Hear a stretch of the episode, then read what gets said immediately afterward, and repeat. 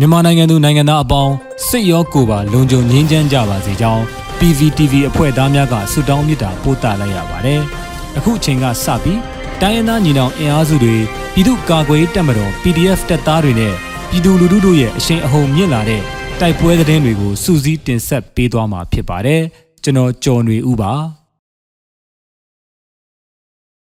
ပထမဦးစွာမော်လိုက်မြို့နယ်တွင်စကဆစစ်ကြောင်းကိုမိုင်းဆွဲတိုက်ခိုက်တဲ့တဲ့တင်တင်ဆက်ပါမယ်။ စကိုင်းတိုင်းမော်လိုက်မြို့နယ်မှာအကြမ်းဖက်စစ်ကောင်စီစစ်ကြောင်းကိုပြည်သူ့ကာကွယ်ရေးတပ်များကမိုင်းဆွဲတိုက်ခိုက်ရာစစ်သားနဲ့ပြူစောတိအများအပြားထိခိုက်နိုင်ကြောင်းဒေသခံများထံမှသိရပါဗျ။ဩဂုတ်လ31ရက်နေ့ညနေပိုင်းကမော်လိုက်မြို့နယ်မော်တာချောင်းပြဘက်မှာစစ်တပ်နဲ့ပြူစောတိများကိုဒေသကာကွယ်မဟာမိတ်ပူးပေါင်းအဖွဲ့များကမိုင်းဆွဲတိုက်ခိုက်ခဲ့တာပါ။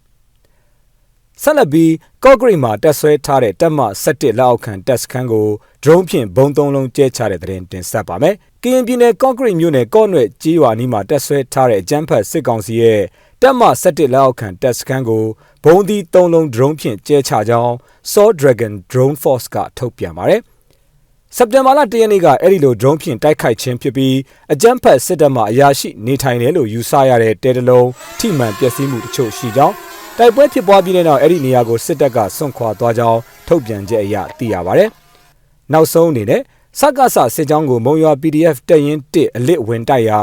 စစ်သား10ဦးထက်မနည်းတေဆုံးတဲ့တဲ့တင်ဆက်ပါမယ်။သခိုင်းတိုင်းကဏီမြို့နယ်ချမ်းသာစုကြေးရွာနီမှာအကြမ်းဖက်စစ်ကောင်စီစစ်ကြောင်းကိုမုံရွာခရိုင်ပြည်သူ့ကာကွယ်ရေးတပ်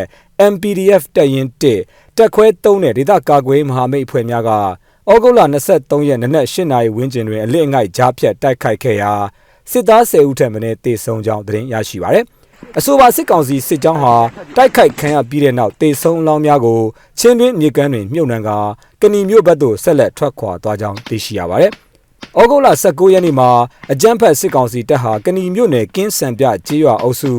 အောက်ကင်းကြေးရွာတွင်စစ်သားများကိုရဟတ်ရင်ဖြင့်ချကာစစ်ကြောင်းထိုးနေခြင်းဖြစ်ပြီးအဆိုပါစစ်ကြောင်းကို MPDF ကအလစ်တိုက်ခိုက်ခဲ့တာဖြစ်ပါတယ်ခင်ဗျာ။